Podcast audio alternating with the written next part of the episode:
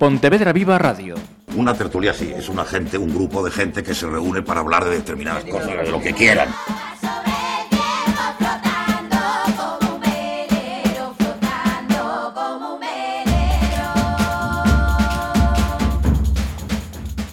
Saúdos, mm, estaba pensando antes de falar con cos invitados destas conversas na ferrería que casi podería ser unha tradición xa falar da escola de canteiros ano tras ano tras ano. Se alguén está a esperar boas novas, penso que non. Manuel Sestelo, Javier Dieguez, no hai boas novas, no? Hola, que tal? Hola, pois... Pues, eh, perdón, eh, perdona a risa, pero... Sí. No, Estamos... eh, nada, de momento, pois pues, nada, por desgraza este ano seguimos igual, non? Seguimos esperando. Mm. Manuel Sestelo, eh, Javier Dieguez, Xavier o Javier. Javier, sí. sí. Presidente e vicepresidente, cuidado. Voces máis que autorizadas entón para falar da, da cuestión. No mes de setembro do ano pasado tiñamos unha cuestión sobre a mesa. Falábamos dese grao técnico de pedra natural que estaría no, no Porriño, no? Uh -huh. No centro de Porriño, mm, non lembro agora mesmo o nombre exacto, que suporía ter xa unha uh, oferta formativa regrada para este sector. Estábamos eh, a mirar eh, novidades mm, respecto deste último exercicio. A principal novedade sería que mm, mm, xa está firmada a cesión o traspaso da Escola de Canteiros á Xunta de Galicia o mismo que, que Lourizán, ¿no? Serían as dous eh, uh -huh. institucións que pasarían a, a estar xestionadas pola Xunta. Esta novidade, mm, dende o voso punto de vista, é unha boa nova, imos ver... Dende o noso punto de vista, eh, pode se, ser. Se pode ser unha boa nova, depende como sexa ese traspaso. E como leva a cabo. E como se leva a cabo. Eso, uh -huh. eso é unha das cousas que queremos que, que se conte con nós e para, para este traspaso e para que se conte tamén a opinión pois dos que dos que fomos alumnos, non, da escola e, e, e para que se faga un, un bo traspaso e se faga algo como ten que ser. Esperamos que que non se siga facendo estes encargos que nos consideramos competencia desleal eh, e pensamos que unha escola eh, xa asumida pola xunta pois habería unha serie de cousas coas que non se podería facer eh, como se está facendo actualmente está facendo actualmente a Diputación non a nivel de propaganda política e de encargos como se si fora un taller ou unha empresa. Coidamos que o máis importante é o, o ensino e e a aprendizaxe dos que están de alumnos e, e que eso sería o máis importante, unha boa formación para o futuro e non pensar a curto prazo por medio de intereses políticos da, da Deputación, como foi no mandato eh, do señor Louzán, e como está sendo no mandato da señora Carmela Silva. Sí, que en realidade non cambiou nada, no? nestes oito últimos anos de, de mandato de Carmela Silva non cambiou nada. Non? Eh, nada, a reivindicación sigue sendo a mesma, que si ahora mesmo vai haber un cambio, simplemente van a pasar a pelota dun tellado para outro, pero eso non quere decir que a escola pase a funcionar como debería, que debería ser eh, o que reclamamos, que se convirta nun centro de formación profesional eh, donde haya unha formación reglada eh, específica para ese centro, non? Sí, con Porque, un plan de estudos como sí, ten que específico, ser... Sí.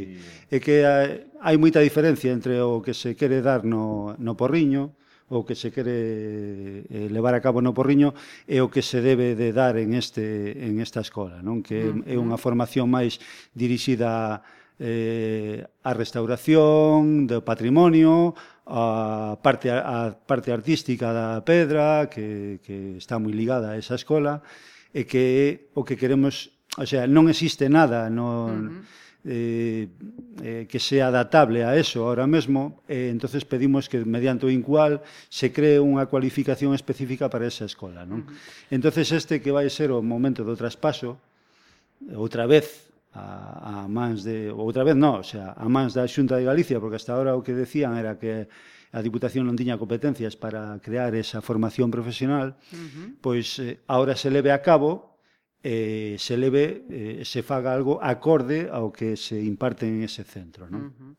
Serían complementarias ou serían dous formacións diferentes, polo que estabais a, uh -huh. a decir, ¿no? Sí. que uno sería enfocado máis a parte, digamos, máis eh, práctica, profesional, sí, e a vosa sería máis artística. Sí, máis artística, de restauración de, do patrimonio, o sea, da cantería tradicional, uh -huh. eh, que por, por outra parte temos moita moito que restaurar en este en este en Galicia, non? Sen eh, dúbida. Empezando pola catedral eh, de Santiago e eh, outras moitas cousas que que que que tocaríamos pois, en ese aspecto, non? Sí, eh, uh -huh. que xa están compañeiros, eh, temos eh, moitos compañeiros traballando en distintos eh sitios, non? Eh, actualmente membros da asociación na Sagrada Familia en Barcelona. Temos falado aquí y, con él, sí. Sí, e sí. en outros e en, outros, sí, en outras partes do mundo, non? Sí, sí, partes sí. do mundo, non? Entón, pois eh coidamos que esa mau eh des, mm, experta, esa mau de de de profesionais, pois debe de recoñecerse, debe de valorarse e e entón pois eh eso que queremos, non? Que uh -huh. que haxa unha unha titulación eh acorde, sí. acorde e digna para iso. Uh que esperamos co traspaso que, que sexa así, non? Sí, despois de 40 anos, non? Reivindicando, porque hai 40 anos que está a escola funcionando, non? Ajá. No que levamos de, de conversa eh, estamos a facer cábalas, o que debería ser, o que podería mm. ser, chamada para falar con vos de, mm, nada, de agora ningún. De momento nada. No. Nos gustaría que o Conselleiro de Educación eh, bueno, pois pues poder manter unha charla con el, uh -huh. que nos explicasen en quen vai en que vai a consistir ese cambio, sabes, en, en que se vai a convertir a escola ou en Ajá. no que queremos que se vai a convertir ou no que pretenden que se vai a convertir eh, por suposto que se leve a cabo, non? Ahora xa non hai excusa de que non teñen competencias en educación, de que non teñen tal, de que non teñen cual, sempre son problemas, levamos 40 anos co mesmo -huh. Mm. problema, non? A última vez que falamos foi setembro do ano pasado. Eh, lembro que falamos de mm, de como tiña sido o curso, estábamos en, en setembro, das perspectivas de como sería o seguinte, e por aí quería preguntarvos a, agora, eh, este curso que comezou en setembro, como está a serra? Pois a situación actualmente é bastante desastrosa, non? Caótica. É caótica porque realmente hai falta de profesorado, hai hai varios profesores de baixa que non se, que non que non están sido non están non están asistindo a clase, a, non están dando as clases, mm. non son sustituídos e moitos alumnos están sen sen profesores, se sigue facendo sen cargos, eh, a situación é bastante desastrosa e, e é unha situación que están sufrindo actualmente os alumnos da, pois Os poucos alumnos que hai, non? Esa é, por aí van as seguintes preguntas. É que é cantos normal, alumnos, que é cantos normal, profesores? Que eh, actualmente eh, están 17 alumnos, ¿m? según eh, en total, contando eh, xente de, de nocturno, o sea, xente eh, nocturno e diurno, eh, están 17 alumnos e profesores, pois actualmente eh, están 8, creo, non? Sí, bueno, oito dos cuales a mitad, cuales, o máis da mitad están de baixa claro, e non asisten eh, polas causas que sexa. Sí, eh, tamén temos consciencia de que houve un problema bastante grave na escola que foi o da silicosis. Ajá. Temos consciencia de que algún profesor que, eh, algún profesor que un profesor eh, eh, colleu esta enfermidade, ¿no? Silicose, houbo eh, se puxeron aí as alertas bastante sobre este tema, de feito, eh, foi a xente a, a ver a situación da escola e a, a escola parte dunha situación bastante eh, mala, non? A hora de, de creala eh, non se puxo todo o que se debería nos sistemas de protección, a escola eh, se crea nunha especie de nave pechada e co cual eh, todos o, o, o corte dos discos crea po en suspensión e eh, os profesores o dar as aulas, pois eh, en concreto un destes mestres pois ao respirar e inhalar o po en suspensión, pois colleu esta, esta enfermidade silicose, non? Sí. Eh, entón... Do cual, bueno, todo eso é es, eh, así un pouco en plan secretismo, non? Porque se sabe, pero non se sabe, non é unha historia un pouco así Sí. Que non queren que se sepa, que non non, quere, non queren que sala, que saia a luz, non eh, queren alertar claro. porque claro, aí hai unha serie de alumnos, hai todos estes alumnos pois pues, que que realmente isto pues supón expostos. estarían expostos, non? Se di que o po en suspensión tarda tres horas en baixar o chao, non? Entón, hai aulas de corte de pedra, mezcladas, eh, mezcladas con aulas de modelado. No corte de pedra se supón que sí que estás con mascarilla, pero nas de modelado eh, xa a xente non quitar mascarillas e digamos que isto é un, é un problema grande, non? un problema grave porque a, a, o pó da pedra, a parte de silicose, ten, eh, é canceríxeno. Entón, eh, é unha das, das cuestións que se deberían de subsanar e que, que, creemos que en medidas de, de prevención de riscos laborais Es que estaba pensando en prevención de mm. riesgos. Eh. Se debería de contar, eh, pois eh, creemos que se debería de contar con todos, ¿no? Sí, o tema é que o, o, a escola é unha escola evidentemente moi grande, ¿no? É certo que é unha escola moi grande, pero na que creemos que hai moitos elementos que pa unha escola, pa o que se considera unha escola, non son necesarios. No? Ese volumen de, de máquinas, por exemplo, para cortar grandes bloques, eh, creo que non ten ninguna cabida en ese, en ese centro de enseñanza. Eh, porque hai mil maneiras de ensinar, eh, de eh, nas que non faría falta ese volumen de... Partiu de, de unha, dun pensamento mm, bastante clientelar, uh -huh. dun pensamento... De que funcionase máis como un serradero que por... Para sí, cumplir os obxectivos de publicidade política uh -huh. do que son do que a Deputación de Pontevedra. Imos facer un, un exercicio de mm, non sei se si de imaginación ou de boas prácticas, non sei como sí. chamarlo. Pensemos que soa o teléfono. Uh -huh. Tende a consellería. Miren, señores, como responsables, eh, portavoces da Asociación de Canteiros, de que punto habería que comenzar na escola e que habería que facer para ter unha formación axeitada tendo a escola que temos? É moi fácil, eh?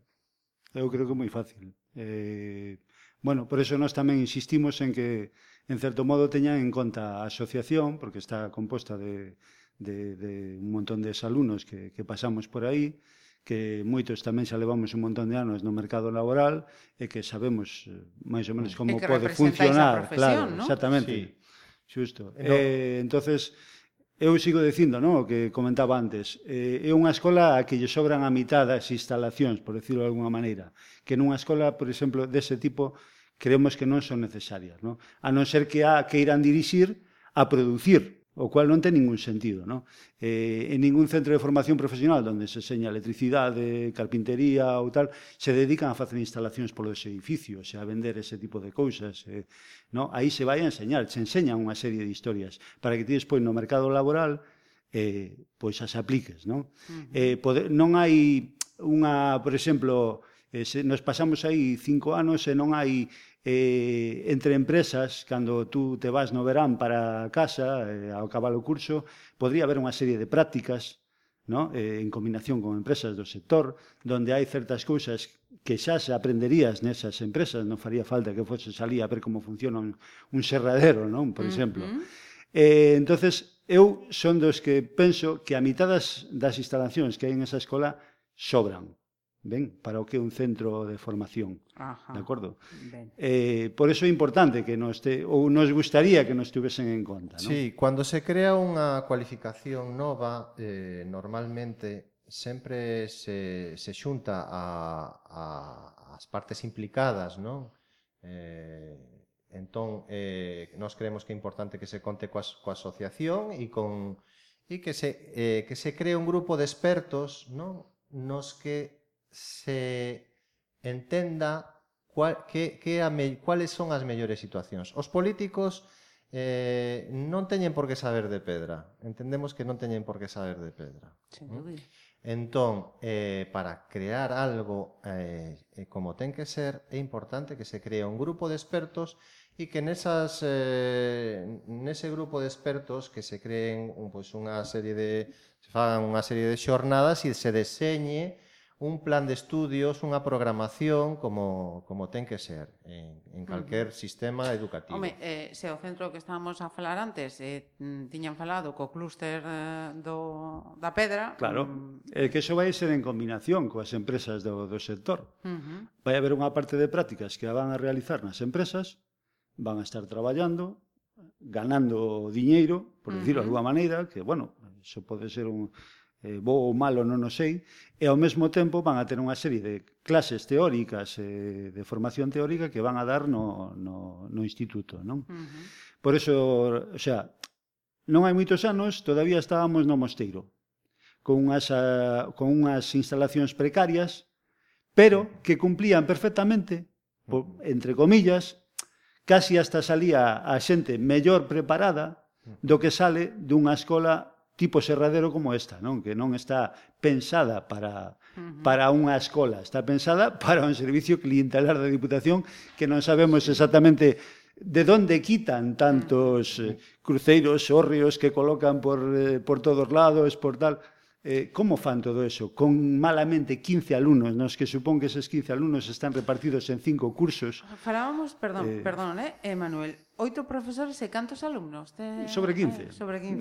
Máis menos, vale. un par deles arriba, un par deles abaixo. Cando chegamos a ser, na nosa época, casi, casi, ce, una, casi 100 una, persoas, eh? Había na escola... Un aprendizaxe pa particular, vamos, tal e como sí. están as aulas hoxe en día. Sí, sí, na, sí, nosa, sí, sí. na nosa época, no mosteiro, con unhas instalacións eh, a catro veces máis pequenas, chegamos a ser casi 100. Uh -huh. Con eso digo che todo. Che. Casi 100. E había e, e aprendíamos máis porque había menos inxerencia da, de parte de, de, de encargos e de cousas así, ¿no? Uh -huh. A formación era permitía unha unha como se fala agora na, na educación, unha aprendizaxe autónoma, se, eh, se había unha aprendizaxe moito moito mellor, ¿no? Por, porque non había esa inxerencia, se podían desarrollar eh, unha aprendizaxe moito mellor e, e realmente o profesorado eh, houbo, houbo xente moi, moi importante eh, e, e o profesorado que, que tirou porque adquiriramos unos, unos coñecimentos, eh, mm. unos bons coñecimentos. Comezou o, pa, o pai Millán, no? eh, comezou co pai Millán, comezou tamén co, eh, dando aulas eh, de Historia da Arte Antón Castro, uh -huh. que eso tamén contribuiu a un coñecimento de, da arte contemporánea, a, a un coñecimento e a desarrollar, digamos, a cantería con outras mm. perspectivas máis novedosas. Esa a parte artística tamén, non? Eh, entón, eso, se saiu xente moi moi moi cualificada, moi preparada e que hoxe en día pois pues, está traballando no ámbito da escultura. Porque eh Falábamos antes de, de sotas instalacións, no? Do, o contentor é máis, máis que suficiente. Sobra contentor. E, e, e contido nestes eh, momentos co, como está a ser? Que, contido, o que, que tería o que contido ser? é basicamente se supón, se supón que é o mesmo que, que tiñamos nós, pero claro, o sea, antes medianamente funcionaba, e había unha serie de profesores que asistían ás clases e había Eh, xa non só eso, senón que como éramos casi 100 alumnos, uns nos axudábamos os outros, aprendíamos uns dos outros. Ahora entendo que é moi triste estar en unha escola como esa, coas instalacións que ten e co grande que é, e que casi non se topan uns cos outros, sabes? E ainda por encima, coa carencia de profesores eh, que hai, o sea, si non poden ter un solo profesor en todo sí. o curso, que dé a cantería, que dé a escultura, que dé a tal, que dé a cual, e que se dedique a colocar órganos en rotondas, etcétera, etcétera, etcétera. O sea, Si sí, unha outra das non cousas, sentido, non? outra das cousas que nos parece moi triste é que o día o 13 de decembro, que é o día da nosa patrona. Santa Lucía, sí. que sempre sempre sempre se celebrou, eh, excepto no, nos anos de pandemia, lóxicamente, eh nunca se interrumpiu E este ano non se celebrou, eh, había unha persoa que tiña que recibir o título que lle dixeron que este ano non, a, non o ia a recoller e que fora para o ano que ven, a mellor a recollelo, e non se celebrou a, a data de Santa Lucía cando na nosa época nos facíamos unha celebración increíble, facíamos un xantar con alumnos, exalumnos, Hoxe en día ni siquiera os alumnos son ben recibidos, de feito, tentamos eh, eh, moitas veces visitar a, a, as instalacións das escol da escola. Eh, nos dixeron que tiñamos que pedir permiso na Diputación con antelación cando sempre aparecíamos na escola e sempre éramos ben recibidos e, e o que está a acontecer pois é moi triste eh, que ni siquiera se respete a data da celebración da nosa patroa e na que era unha data para nós pois eh, de celebración especial especial, sen sí, dúbida. Sí, aparte de que era o día que se que se eso, se repartían os diplomas da xente que acababa, de etcétera, etcétera, non? Uh -huh. Bueno, así está a historia, non? Que que Está como día de, de que once, ¿eh? lle quedan dous teledia, lle quedan dous telediarios, por decirlo de alguma maneira, como siga así, eh non ten sentido que estean por unha parte promocionando que, que, que, que veñan alumnos eh, que esa escola é maravillosa, mellor do mundo, que, que posiblemente a sea, non che vou a discutir, Ajá. pero que estean promocionando que veñan alumnos e que despois de, os tiñan así tirados, sabes? Sin profesores, sin tal, sin... Non ten ningún sentido, creo non? Creo que falamos eh, en... tamén na outra ocasión da empregabilidade, non? Agora mesmo non hai máis que mirar o mercado laboral e, e ver quen atopa antes, antes un posto de traballo. Hmm. Uh -huh. Hmm. As mans, as mans, sí. máis que as titulacións eh, de, de outro tipo. Hai vocacións, non hai vocacións, sigue como... Eu creo que sí hai vocacións, o que pasa é que tú tens que facelo atractivo, uh -huh. non? Eh, claro. Si tú chegas a unha escola onde non te atenden, onde pasan de ti, onde non teis profesores, onde non hai eh, unha formación reglada donde te vas a pasar aí cinco anos para e non che sirva. O sea, que un curso de INEM de tres meses teña máis valor que todo eso, quen vai? O sea, que pai mandaría ao seu fillo cinco anos a unha escola como esa? Pois pues esa, quen Entendes? quere estudar eh, cantaría, vai fora. Ahora, formación, o sea, ao digo, eh, posibilidades eh, eh, futuro, digamos que hai, porque senón, por que se quitan da manga ahora mismo unha FP dual que se amonta eh, o clúster de empresa ou de, da Pedra de Porriño porque teñen unha necesidade acuciante de, de, de xente para traballar no sector, entonces se quitan da manga. Resulta que malamente nun ano, non sei, no pouco tempo que leven, eh, un FP dual reglado, cando non levamos 40 anos, pedindo, pedindo. que se teña unha, tendo unha escola de canteiros como temos, uh -huh. que custou millóns de euros, sabes? E de repente nun instituto como o IES do Louro van a dar un ciclo de formación reglada, así, de repente, da noite para mañán. Aí vemos onde onde está o, o poder, non? Sí, sí. Eh, quen, quen exerce o poder, quenes son os... Teñen aí unha escola na que moven un montón de diñeiro, ao seu antoxo, nadie o controla, e da outra maneira, se si pasa a ser unha formación reglada, seguramente que non poden facer eso, eh, donde ainda non hai moito se gastaron 400 e pico mil euros, 400 e pico mil euros en facer accesos de, de rampas para minusválidos, o sea, para convertir a escola nun sitio accesible. Non sabemos se si alguén controlou esa obra ou non a controlou, porque 400 e pico mil euros son 400 e pico mil euros, eh? o sea, sí, despois están, casi fa unha escola, ¿no? Despois están coa cuberta tamén, gastando... Sí, gastando sí, outro... Tanto. Eh. E logo temos outras escolas, como o maestro Mateo en Santiago, perfectamente arregladas nun segundo piso sí, sí, sí. cunhas instalacións, digamos que eh, sí, irrisorias comparadas con pero estas efectivas. Claro, e cunha, exactamente. exactamente sí. no. Porque Entonces, hai, hai un control si... do ensino, eh, que, que, que hai un control do ensino, ¿no? digamos que uh -huh. aí hai que cumplir un plan de estudios, hai unha programación e hai un plan de estudios, e aí se cumple. E a Xunta pues, eh, os mestres ten que, teñen que mandar unhos informes e a xunta eh, vixía que isto sexa así.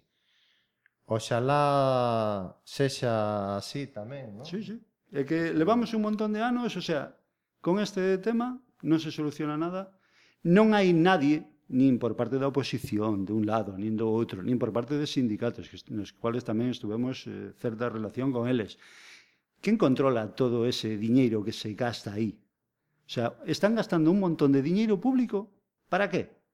Para que ten cinco anos non salas cunha titulación que non che sirva absolutamente para nada. Para rematar, agardo que a, a seguinte chamada se xa para decir Ei, Sí, sí, estamos que nesta aquí. conversa imos cambiar o, o rumbo da, da charla.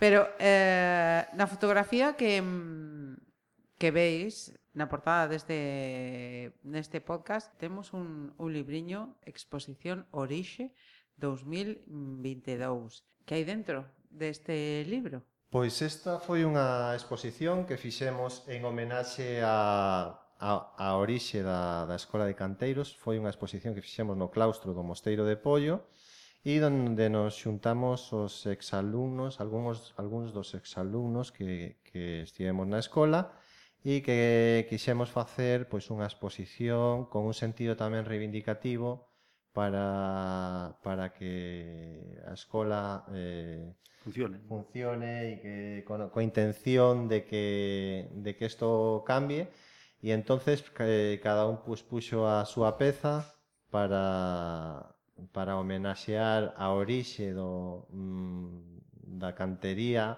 uh -huh. no, mos, no mosteiro no mosteiro, uh -huh. no mosteiro e, de, e, e que un pouco con esa esperanza de que de que muden as cousas, non? Sí, 30 e pico anos despois de, de haberse celebrado eh, a primeira exposición da Escola de Canteiros que se, que, que se celebrou e, e estuvo exposta nos xardíns de, na parte de atrás da Diputación, uh eh, -huh. que non me acordo ahora como se chamaba, eh, estaba por aí escrito.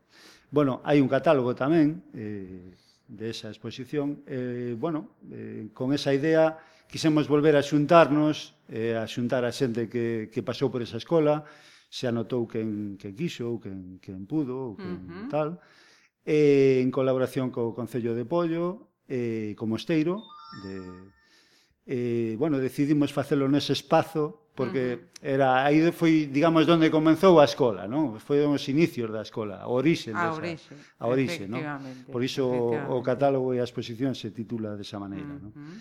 E tamén con ese catálogo per, eh, o que queremos expoñer eh, a fermosura que ten a escultura, todo eso que hai aí e todo o que se aprende ou se aprendía en esa escola, uh -huh. que nos parece algo moi importante, é eh, unha locura, ¿no? porque o Concello de Pollo, a escola da Canteiros é unha das cousas inda que a mellor non se dan conta, seguramente, porque tampouco están facendo moito por Mandela, eh, é unha das cousas máis fermosas culturalmente que teñen para, para ofrecer, non? e, e van a acabarla perdendo, eh? vai acabar desaparecendo, non, todo eso. Pois imos ver que pasa ahora no, no outro tellado, a ver. sí, sí. Manuel, Javier, moitísimas grazas unha vez máis. Grazas a vos. Nada, por, grazas a vos por escuitarnos. Eh, esperemos que para o ano podamos vir a, a, a dar boas novas. Outro tema. en la llanura del tiempo.